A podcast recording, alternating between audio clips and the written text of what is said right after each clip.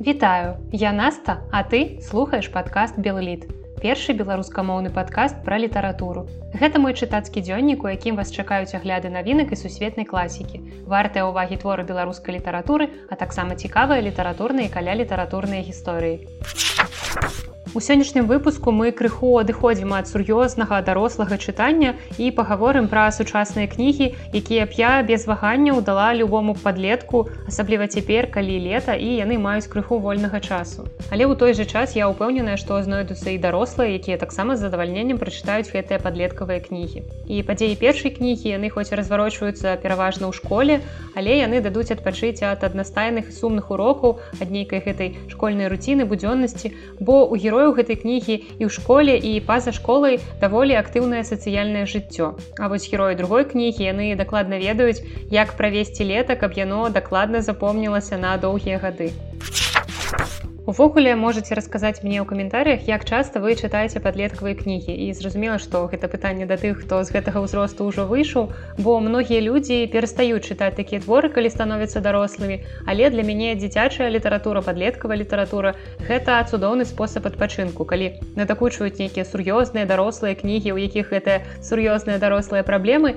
І мне хочацца часам занурыцца ў свет, з якога я здаецца сама не так даўно выйшла, скончыла школу 10 гадоў таму, але часам хоча хочацца вярнуцца. І адчуць нейкую гэтую бесклапотнасць і зразумець што тады былі нейкія праблемы пытанні якія мне здаваліся праблемамі проста сусветнага маштабу. І зараз калі я вырасла я ўспамінаю гэтыя праблемы яны мне падаюцца нейкімі такімі наіўнымі і смешнымі. І гэта прыемнае пачуццё. Мне прыемна гэта ўспамінаць. Таму я з вялікім задавальненнем заўжды звяртаюся да твору дзіцячай падлеткавай літаратуры. Марыя Мартысевіч, наша таленавітая паэтка, перакладчыца і я захапляюся ўсім, што яна робіць, бо гэта не толькі ўласная творчасць, гэта яшчэ і пераклады і нястомная культурная праца, бо Марыя робіць розныя літаратурныя праекты, мерапрыемствы. Напрыклад, за апошні час, дзякуючы ёй, адбылася цудоўная літаратурная серыя амерыканкаў, якой выйшла мноства цудоўных кніг. І таксама апошні паэтычны зборнік Марыі, які называецца сарматыя, гэта эпісталярная паэма. Ён сабраў мноства літаратурных узнагародаў. Гэта і кніга году і паэтычная прэмія імя Наталлі Арсенневай. І гэта сапраўды вартая класная кніжка. І пасля яе Марыя вырашыла трошкі перакваліфікавацца і выдала захапляльнае падлеткавае чытво. Сапраўды кніга, якую не сорамна даць падлеткам і не сорамна прачытаць самому, калі ты ўжо дарослы дзядзька ці дарослая цётка. Увогуле галоўнае ў чытанні такой літаратуры гэта асэнсоўваць, што яе мэтавая аўдыторыя гэта не ты, гэта не нейкі 30гадовы 40гадовы чалавек, у якога ўжо з вышыні ўласнага узросту ёсць нейкія свае сталыя прынцыпы погляды на жыццё.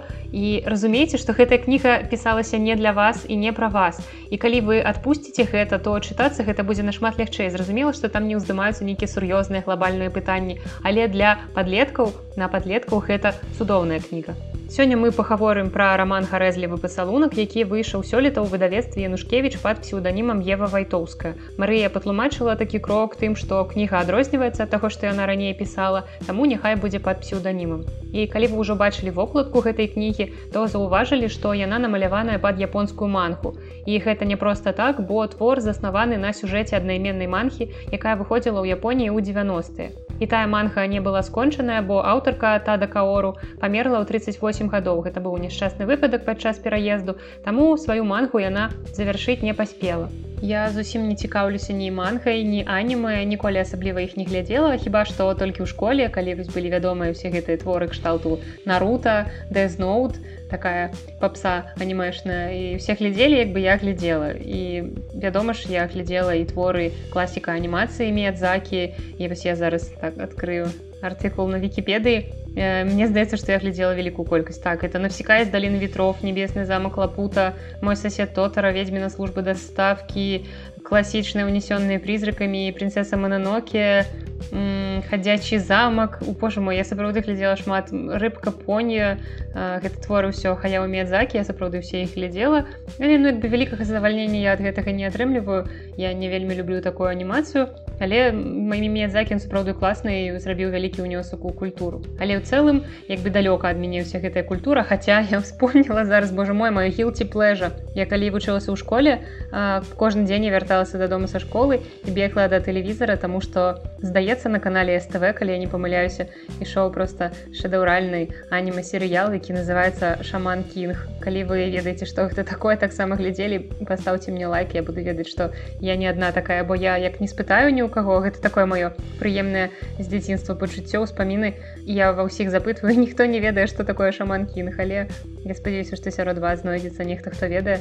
Так што лайкайце мне будзе прыемна. І раз я манхай зусім не цікаўлюся то я нават не ўяўляла што гэта затвор такі гарэзлівы пацалунак. І вкіпедыя мне паведаміла што гэтая манха серыя была сапраўды неверагодна папулярная ў Японіі. Яна і выдавалася і чыталася і нават экранізавалася. Але я супакою вас што кніга без гэтых ведаў чытаецца выдатна бо аўтарка перанесла гісторыю ў сучасны менск і нават калі вы ўвогуле не пераносіце жанр мангі то не хвалюйцеся гэта нічога страшнага. Кніга атрымалася проста добрым падлеткавым раманам і я пачытала апісанне гэтай манкі гарэзлівы пацалунак і сюжэты двух твораў сапраўды супадаюць але мне думаецца што беларускі чытач з большым задавальненнем пазнаёміцца з гэтай гісторыяй на беларускім матэрыяле і нехта скажа што тут плахіят але гісторыя ў прынцыпе зусім не новая. Уся гэтая гісторыя якая расказваецца ў абодвух творах бо існуе мноства падлеткавых твораў якія пачынаюцца з таго што звычайная дзяўчына закахалася ў самага папулярнага хлопца школы. Адзіная будешь належыць ці мне ці нікому на гэтай зямлі і вось такога банальнага сюжэта Марыя змагла зрабіць яркую кнігу ад якой нават дарослая я не магла адарвацца сюжэт кнігі даволі просты. Вучаніца выпускнога класа Соня сінічка закахалася ў школьную зорку Масіма статкевича з паралельнага класа. Ён выдатнік спартсмен сын заможных бацькоў там поўны камплект. Чым увогуле такога хлопца можаце зацікавіць далёка ад спорту нейкая невыразная троечніца якая яшчэ і без жытла засталася у выніку няшчаснага выпадку. Бо бацька Соні вельмі доўга будаваў дом прыватны ён нашчаджаў грошы ён шмат працаваў але гэты дом склаўся як картачны домик і таму Соня засталася без дома і жыццё сутыкае Соню і Масіма вельмі нечаканым чынам. Я тут не буду спойлерыць гэта добры сюжэтны паварот. І кніга сапраўды выклікае мноства эмоцый бо яна даволі аб'ёмная больш за 400 сторонак але чытаецца ўсё гэта на адным дыханні нібыта ты глядзіш нейкі захапляльны серыял. Там ні старонкі без падзеяў усё вельмі дынамічна і героі пастаянна робіць нешта такое ад чаго табе просто хочацца крычаць табе хочацца ўварвацца ў кнігу і з вышыні сваёй даросласці ўсё там разруліць патлумачыць ім што трэба рабіць ты забываеш што сама нядаўна была такой адчуваеш сябе вось гэтай бабкай на лаўцы якая нешта там галосіць наркаманы і такіх у кнізе на шчасце няма герояў але бамбіць адучынку герояў сапраўды горача нават у дарослых. І як той казаў ты перажываеш за адносіны герояў больш чым за свае. І з кожнай старонкай на дзіва троечніца Соня выклікала ўсё больш сімпатыі асабліва пасля таго як аўтарка адкрыла нам гісторыю яе дачыненняў з літаратурай гэта вельмі кранальная гісторыя. А вось Макссім статкевич наадварот усю кнігу так і быў для мяне таким пафасным мудаком. Хаця я разумела што з ім не ўсё так проста і гэты герой нядрэнны ён добры нармальны хлопец але ўсё роўна мае ўнутраныя адчуванні яны былі вось такімі і карацей калі вы маеце под рукой подлетка якому можна падсунуць такую кнігу то смела гэта рабіце бо подлеткі ў гэтым творы ў нейкую распусту алкагалізм яны не сыходзяць і гадоў з 13 кнігу смела можна пачынаць чытаць і нават калі вы дарослы то вам таксама не зашкодзіць адпачыць такой кнігай і перажыць магчыма ўжо даўно забытае пачуцці і эмоцыі ад школьнага жыцця. Я шчыра кажучы свае школьныя гады ўспамінаць не вельмі хачу, бо па-ранейшаму лічу, што школа была найгоршымі гадамі майго жыцця.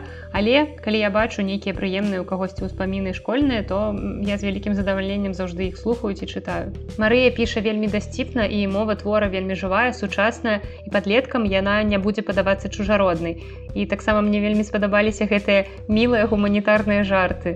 Дарэчы, мяне гэта заўсёды здзіўляла. Як можна памнажаць X на Y, а на выхадзе атрымліваць лічбы. А яшчэ знаўцы беларускай літаратуры зразумею, чаму я смяялася з наступнага сказа. Андрей Васильевич Лабанович з дзяцінства ведаў, што будзе працаваць у школе. Ведаеце, ну з такім прозвішчам яму проста наканавана было стаць настаўнікам. Яшчэ прызнаюся, што вельмі смяялася з жарту, які мае знаёмыя, калі я яго пераказвала, назвалі баяністым баянам. А я яго сустрэла першы раз і проста не магла спыніць рог рогат. Адзін з герояў кнігі купляе ў Киеве футболку з партрэтам Рэне Дэкарта і подпісам. Дзякую тобі Божа, що я не паскаль.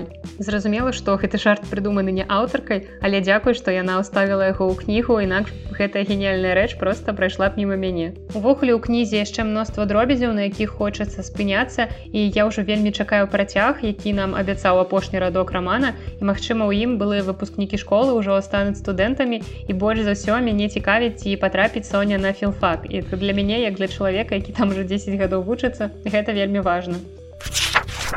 Не ведаю, як вам, а мне ў дзяцінстве не раз хацелася скрасці дзеду Масквіч і пракаціцца па абшарах роднай вёскі.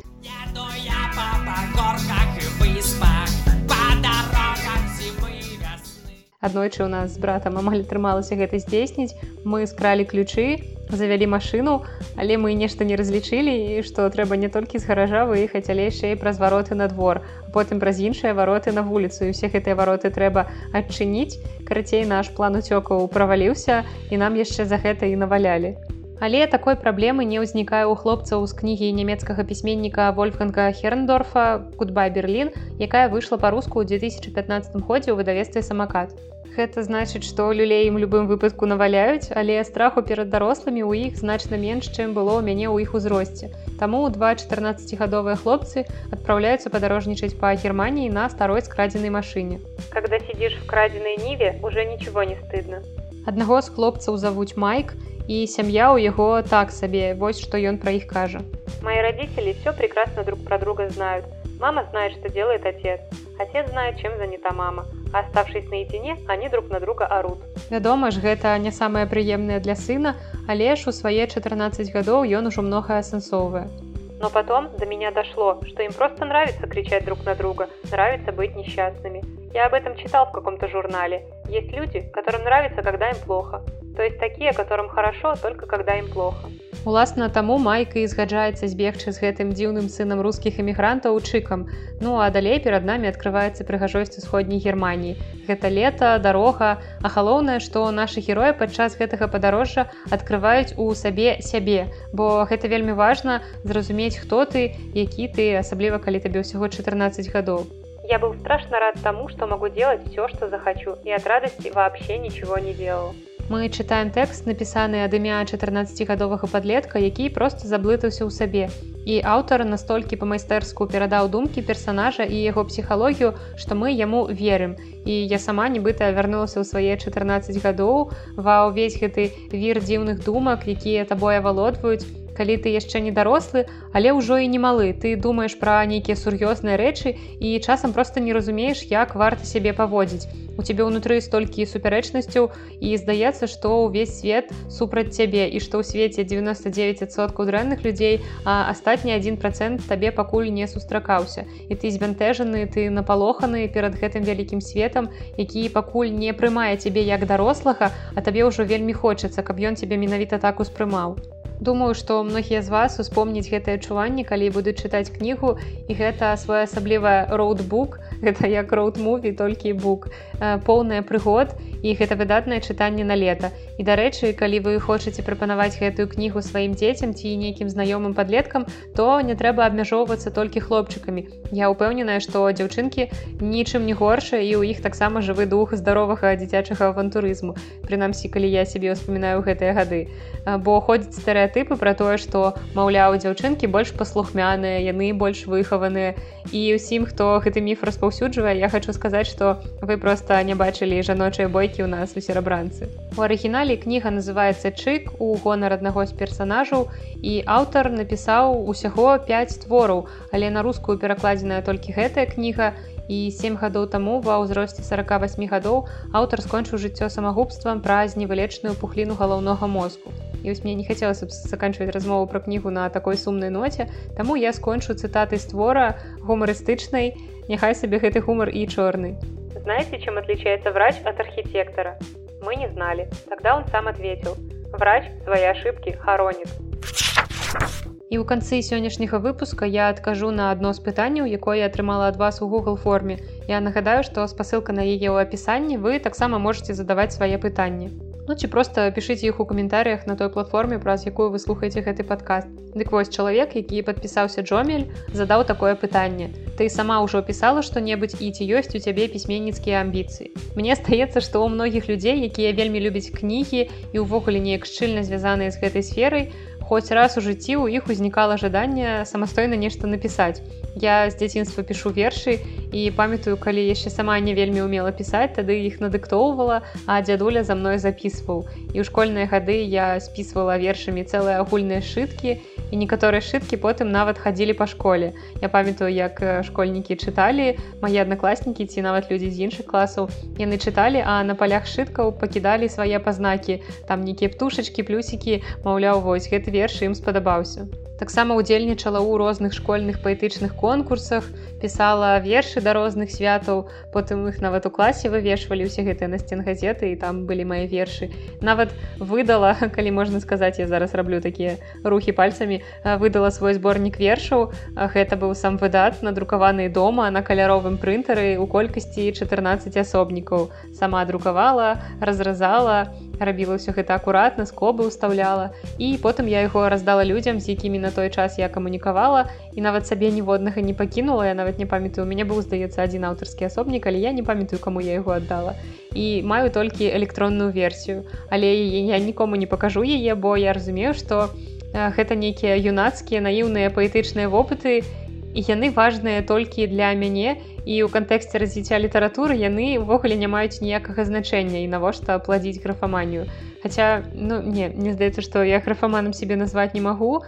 Хутчэй скажу так что на той час вершы для мяне былі чымсьці накшталт асабістага дзённіка. І вось некаторыя людзі прозай просто записывалі падзеі пачуцці нейкі там перажыванні за дзень. А я метафарычна пераносіла гэта ў верш. і вельмі шмат таких шыткаў дома у мяне зараз ляжыць. І я ўсё яшчэ пишу вершы пишу нават не менш чым у школьныя гады можа мне здаецца нават і больш. Але ўжо шмат гадоў я іх просто нікому не показываю гэта потому что для мяне гэта ўсё яшчэ нейкі спосаб э, рэфлексаваць нешта пераасэнсоўваць але ну зусім гэта не нейкае высокае мастацтва. І я надта добра разбіраюся ў літаратуры каб разумець што такія вершы як мае ну просто не варта выпускаць у свет камусьці паказваць як бы сусвет нічога не згубіць ад гэтага. Таксама я займаюся і прозай і у дзяцінстве гэта было ад фанфікаў да ўласных твораў. І ўвогуле я ну фанфікамі не цікаўлюся я ніколі не чытала чужыя мне гэта ну не вельмі цікава. Але калі я была маленькая то мне было цікава яшчэ раз пабываць у свеце любімых персонажаў і я вырашыла што магу ствараць пра іх свае ўласныя новыя гісторыі. І гэта пераважна былі гісторыі пра гары потара і нават захаваліся шыткі з цэлымі скончанымі творамі. І таксама памятаю як аднойчы напісала фанфік пра тое як гурт лінкін парк прыехаў з канцэртам у Беларусь. І зараз успамінаю я нават добра памятаю сюжэт. Мне тады было гадоў 12 і я вельмі марыла пра тое што гэтая падзея калі-небудзь адбудзецца.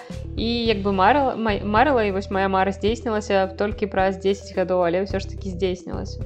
І потым пачалі з'яўляцца мае ўласныя празаічныя творы я пераважна пісала аповесці або апавяданні і нават напісала адзін такі ўжасцік які назвала учитель убійца і відавочна што гэта быў перыяд захаплення творчасцю стывіна кінга. І калі памятаеце была такая серыя ужасцікі ад пісьменніка якога звалі рл стайн. Я нават не ўяўляю як расшыфроўваецца яго імя але іх было шмат. Гэта былі такія тоненькія прывабна так аформленыя з аганьком кніжкі і я вельмі добра іх памятаю з дзяцінства.